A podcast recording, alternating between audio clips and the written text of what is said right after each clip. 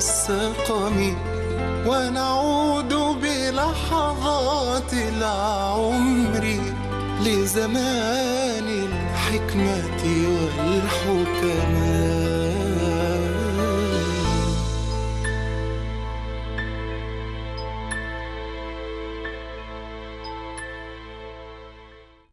بسم الله الرحمن الرحيم. الحمد لله والصلاة والسلام على سيدنا رسول الله وآله وصحبه ومن والاه.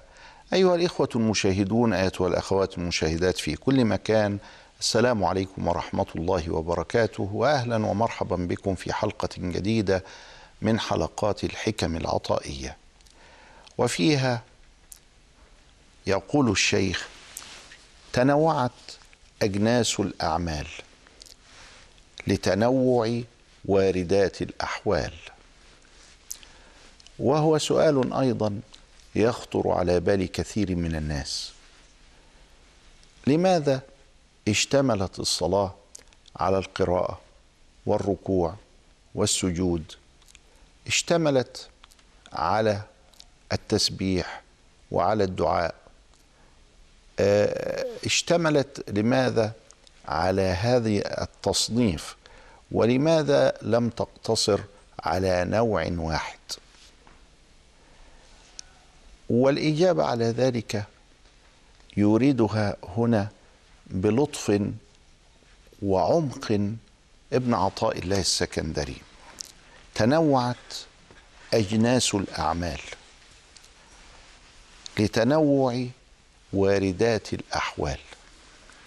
يقول إن الإنسان سيجد قلبه في شيء ويختلف هذا الشيء من شخص إلى آخر.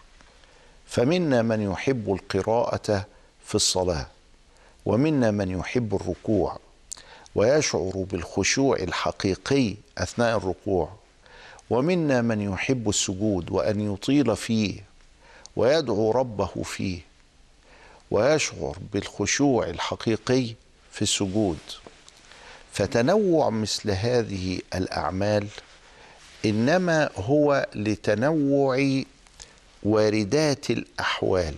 حالة الخشوع هذه تختلف من شخص إلى آخر فتنوعت هذه الأعمال وتختلف من وقت إلى آخر فتنوعت هذه الأعمال. فمرة يأتيني الخشوع قائما ومرة يأتيني راكعا ومرة يأتيني ساجدا. ومرة يأتيني التدبر والتأمل كذلك في أي وقت كان.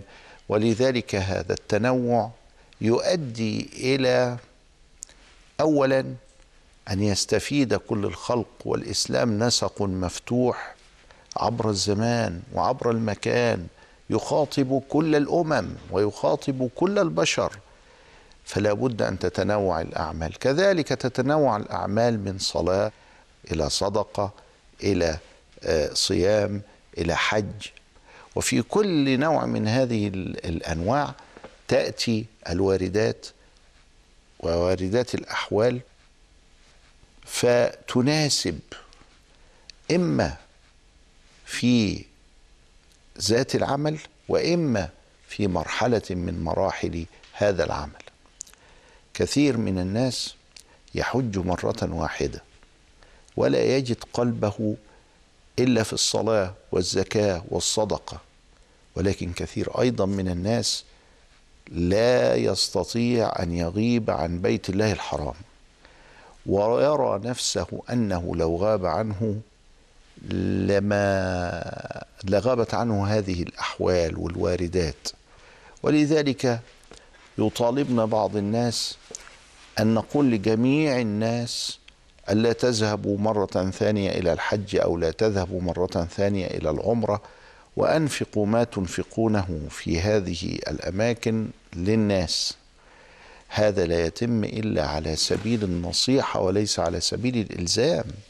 هذا لا يتم إلا ونحن نقول له انظر في قلبك فإن الصدقة تطفئ الخطيئة كما يطفئ الماء النار وأن الصدقة لها نفع متعدي. ولذلك فانظر إلى هذا النفع المتعدي الذي سوف تنفع به الناس.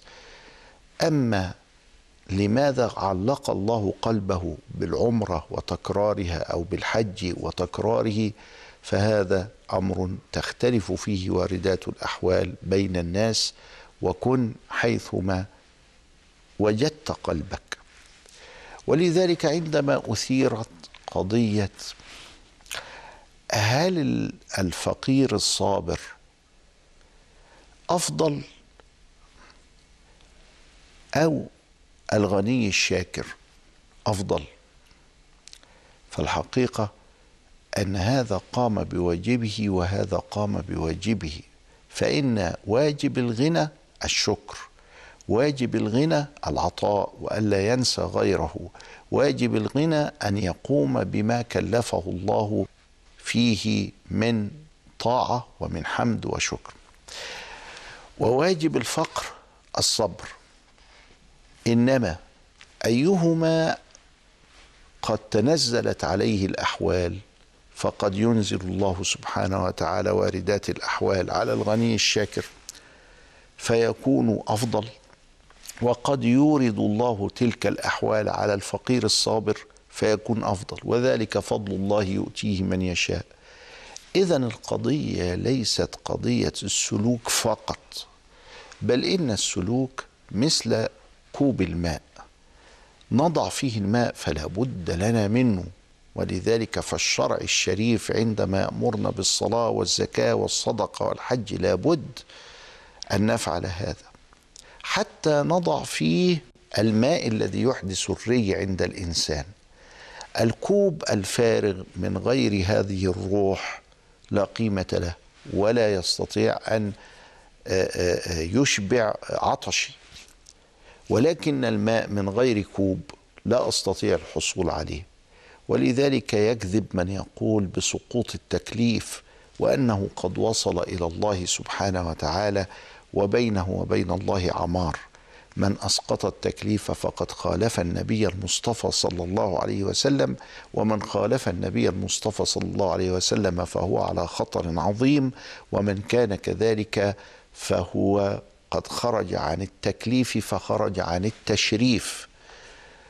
ولذلك فهذا دجل أن يقول أحدهم بسقوط التكليف بل طريقنا هذا إلى الله مقيد بالأسوة الحسنة. والنبي صلى الله عليه وسلم لما غفر الله ما تقدم من ذنبه وما تأخر ازداد في قيام الليل. وقال أفلا أكون عبدا شكورا. وصمم على هذا. ومرة يقول للسيدة عائشة اتركيني أعبد ربي هذه الليلة فقالت ألا إني أحب قربك؟ ولكن افعل ما شئت مع ربك. وهذا المعنى معنى أنه كلما ازداد الإنسان يقينا بربه وحبا لربه ازداد في العبادة وازداد في الصلاة وفي الصيام وازداد في الطاعات فتنوعت أجناس الأعمال. تنوعت والنبي صلى الله عليه وسلم يقول ألا وإن في الجسد مضغة؟ إذا صلحت صلح الجسد كله. وإذا فسدت فسد الجسد كله. ألا وهي القلب. لأن القلب إذا ما صلح صلح له أن يتقبل واردات الأحوال من الخشوع من الخضوع من المعرفة من أن يفتح الله له شيئا يفهم به مراد الله من خلقه ومراد الله من عباده ومراد الله في عبادته سبحانه وتعالى. إذا صلحت صلح الجسد كله وإذا فسدت فسد الجسد كله. والنبي صلى الله عليه وسلم يقول إن الله لا ينظر إلى صوركم ولا إلى أجسادكم وإنما ينظر إلى قلوبكم. وكما أن الجوارح لها أعمال فإن القلب له عمل أيضا. وطريقنا إلى الله سبحانه وتعالى مبني على أمرين. هم من واردات الأحوال التخلية والتحلية.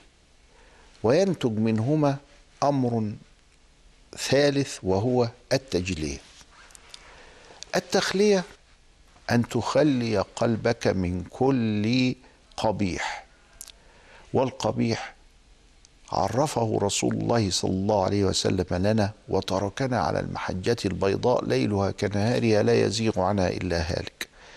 جعل منه الكبر وجعل منه الضغينة وجعل منه الحسد وجعل منه الحقد وجعل منه الأخلاق السيئة نريد أن نخلي قلوبنا منها. كيف نخلي قلوبنا من هذا؟ هذا يتم بذكر الله. ألا بذكر الله تطمئن القلوب. وذكر الله سبحانه وتعالى علمنا إياه رسول الله صلى الله عليه وسلم أنه بعد كل صلاة وفي دبر كل صلاة نسبح ثلاثا وثلاثين ونحمد ثلاثا وثلاثين ونكبر ثلاثا وثلاثين. علمنا رسول الله صلى الله عليه وسلم ما قال عنه العلماء بالكلمات العشر الطيبات. سبحان الله والحمد لله ولا إله إلا الله والله أكبر ولا حول ولا قوة إلا بالله وهذه يسمونها الباقيات الصالحات لأنها تبقى بعد الإنسان وبعد موته في قبره. وعلمنا الاستغفار وعلمنا لا حول ولا قوة إلا بالله وعلمنا توكلت على الله وإنا لله وإنا إليه راجعون وعلمنا الصلاة عليه صلى الله عليه وسلم. اذا فتنوعت أجناس الأعمال لتنوع واردات الأحوال. وإلى لقاء آخر أستودعكم الله. والسلام عليكم ورحمة الله وبركاته.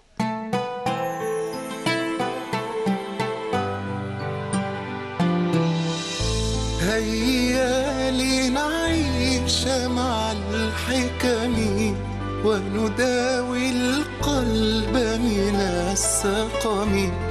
ونعود بلحظات العمر لزمان الحكمة والحكماء